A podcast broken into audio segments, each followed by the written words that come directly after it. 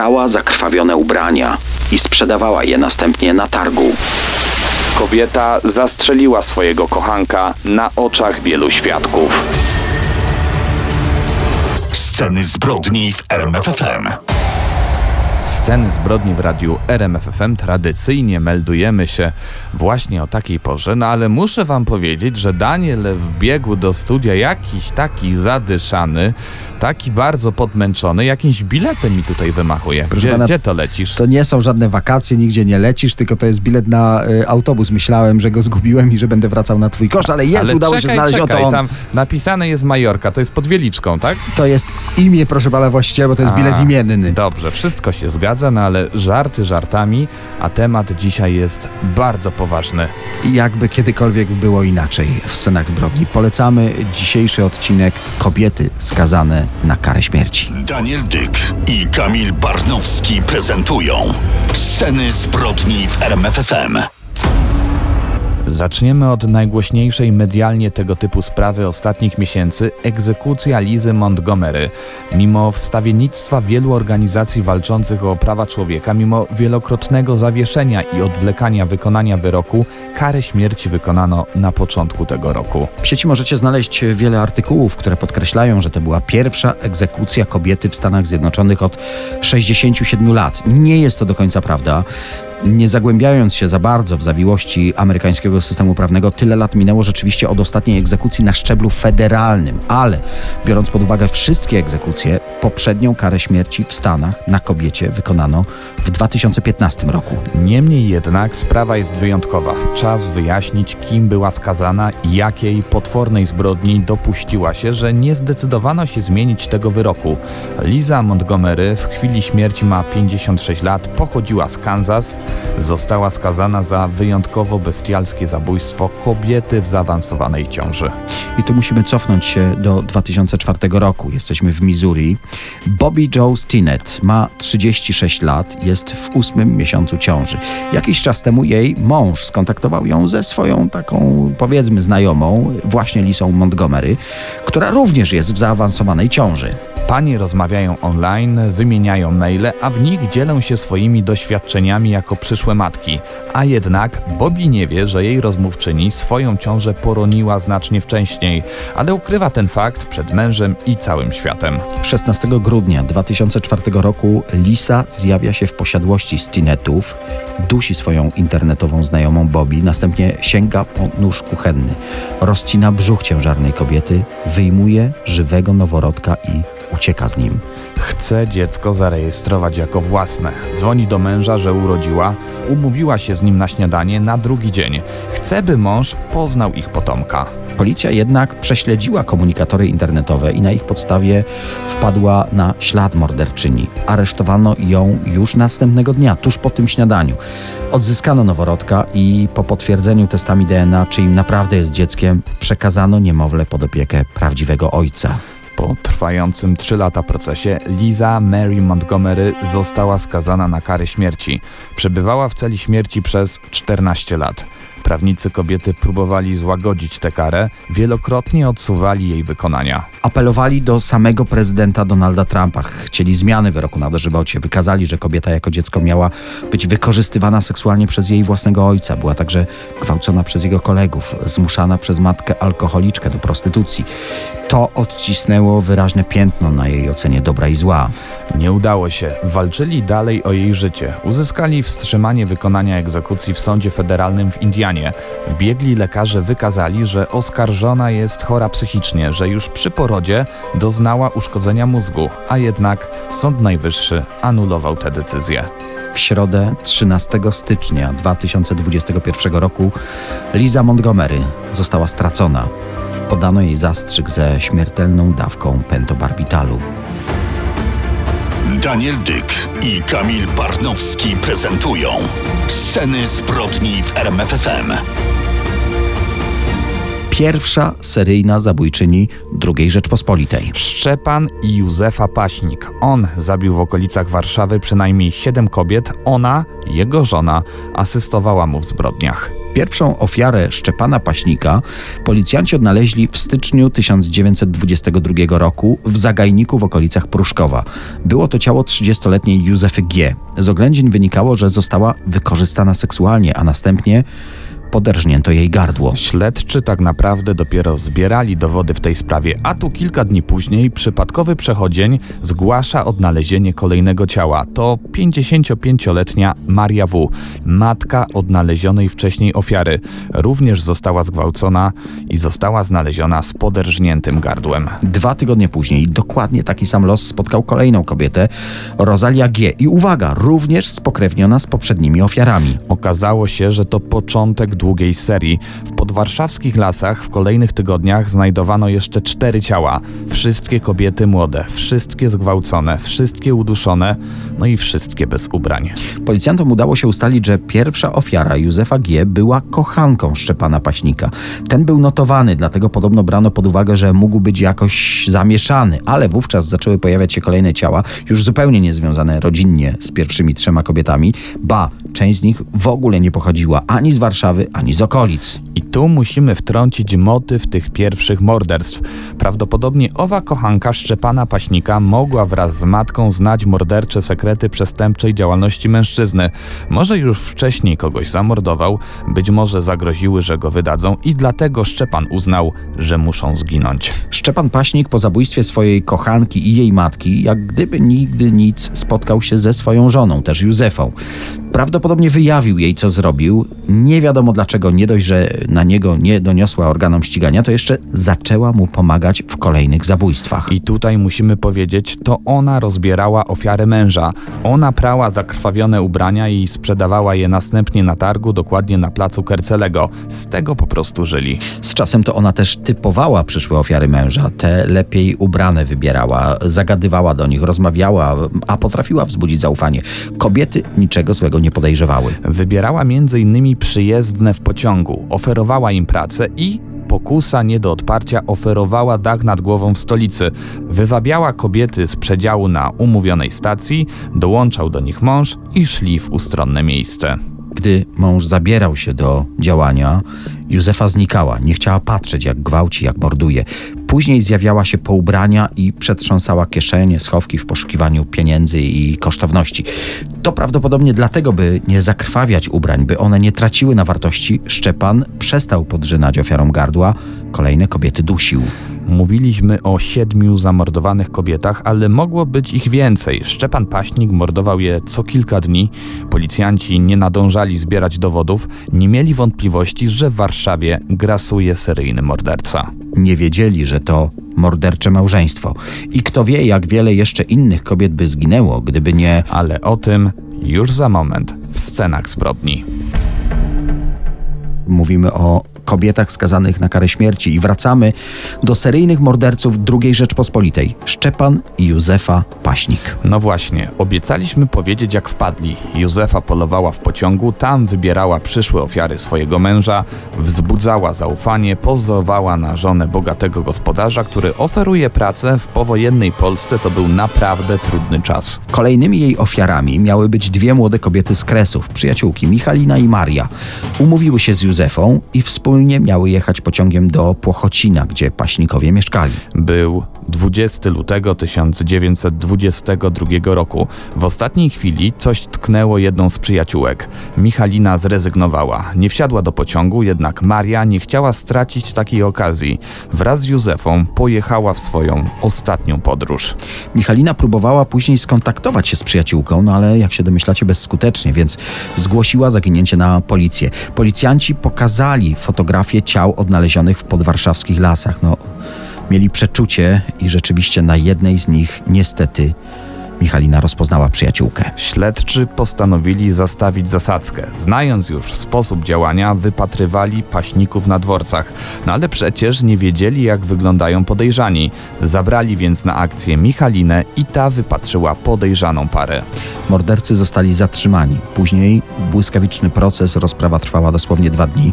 Mąż w swoim ostatnim słowie podkreślał, że żona jest niewinna, a jednak wyrok brzmiał zarówno dla męża, jak i dla żony skazuje na karę śmierci przez rozstrzelanie. Wyrok ostateczny. Małżonkowie mieli zginąć razem, na drugi dzień zaraz o świcie. Obrońcy sądowi natychmiast złożyli prośby o ułaskawienie do naczelnika państwa Józefa Piłsudskiego. Spodziewano się, że marszałek uwolni chociaż kobietę. Co do jej męża nikt nie miał złudzeń, a jednak wieczorem przyszła decyzja, że naczelnik nie skorzystał z prawa łaski. Ostatnie życzenie Szczepana: 50 papierosów i butelka wódki. Papierosy otrzymał. Palił je, no dosłownie jednego za drugim, prawie do trzeciej w nocy. Wtedy się wyspowiadał. Ona zażyczyła sobie ciepłe palto i spowiednika. Nie zmrużyła nawet oka.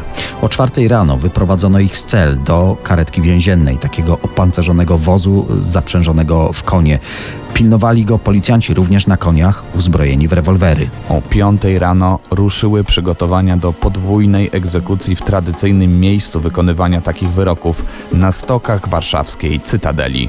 O 6 rano, 7 kwietnia 1922 roku wzeszło słońce dla małżonków po raz ostatni. Temperatura bliska zera.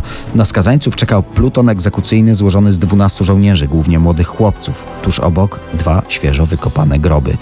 Sporo gapiów, wśród nich także kobiety. Józefa miała zostać rozstrzelana jako pierwsza. Zawiązano jej oczy, zemdlała, ale w końcu salwa. Jej mąż zasłonił twarz, nie mogąc na to patrzeć. Chwilę później i on stanął przed Plutonem. To był pierwszy zarazem, jak dotąd ostatni przypadek, gdy wykonano wyrok śmierci na kobiecie przestępczyni.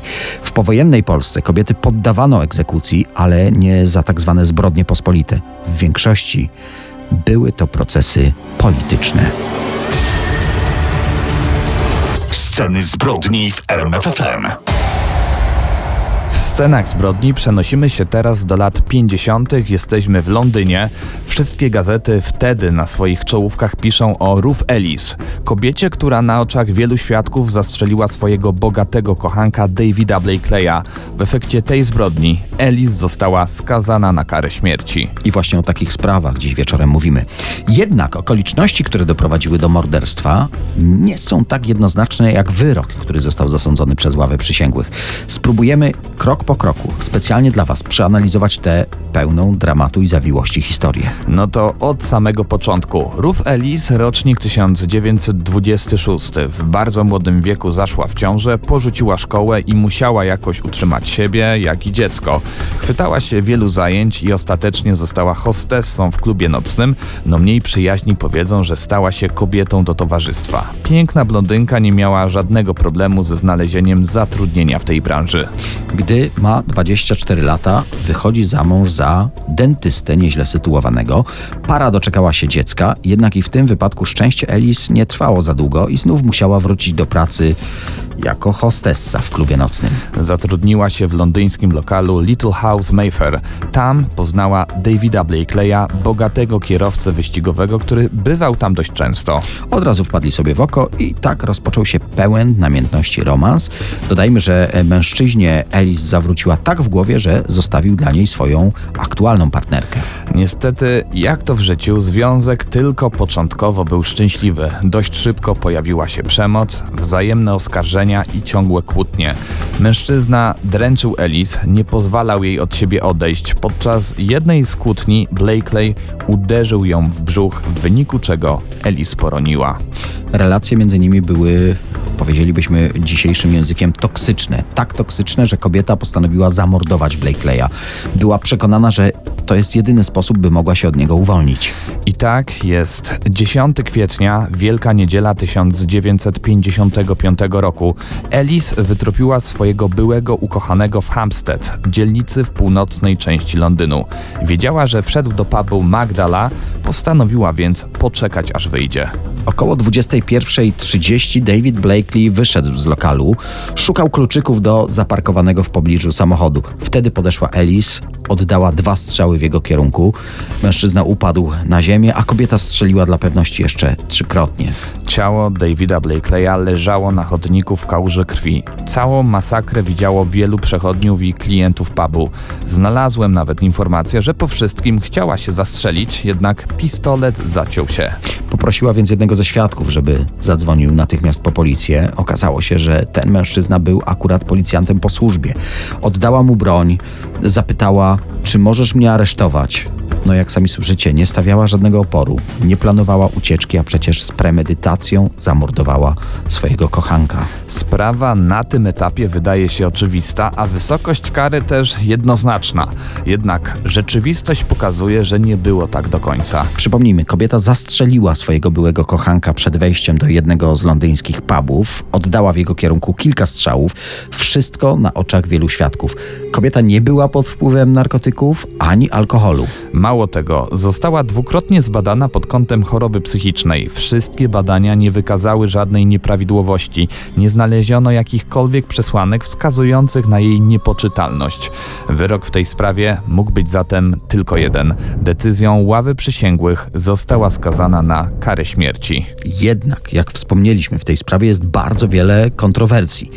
Kobietę skazano w przyspieszonym procesie. Narada ławy przysięgłych trwała zaledwie 25 minut. Ludzie decydujący o śmierci Ruth Ellis nie wzięli pod uwagę piekła, jakie urządził kobiecie jej zamordowany kochanek. Dostatecznie nie przeanalizowano również roli, jaką w tej sprawie odegrał Desmond Casson.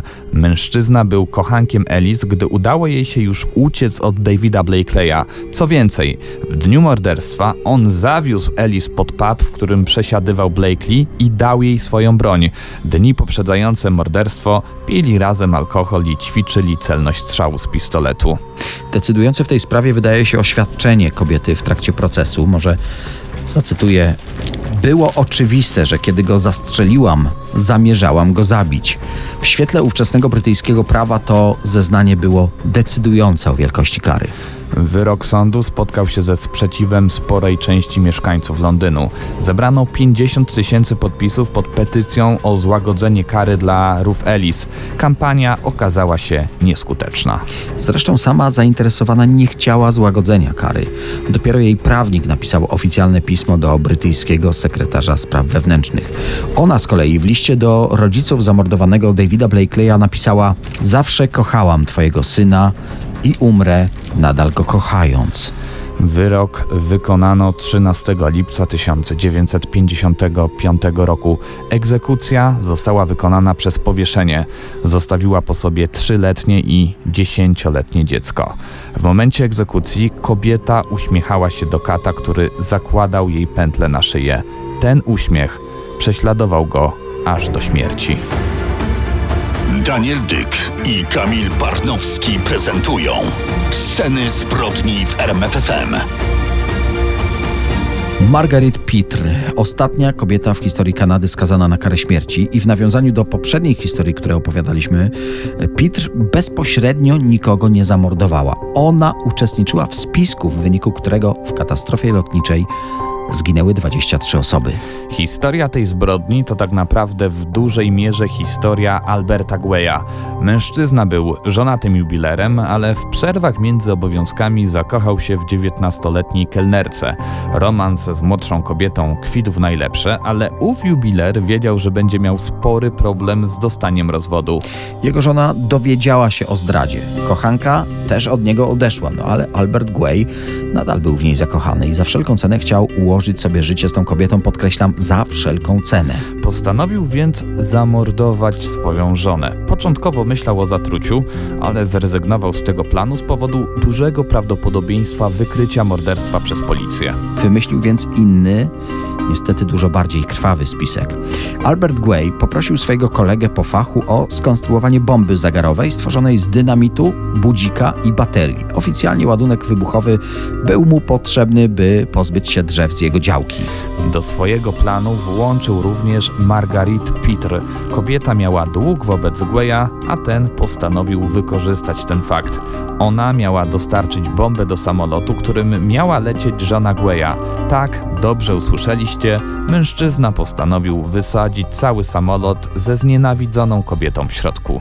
Albert Guay wykupił jeszcze, i to też warte podkreślenia, dwie polisy na życie żony, które opiewały, uwzględniając dzisiejszy przelicznik, na około no, 170 tysięcy dolarów. No właśnie, o tym nie możemy zapomnieć. Jubiler zaczął mieć problemy finansowe, jego zakład nie działał najlepiej.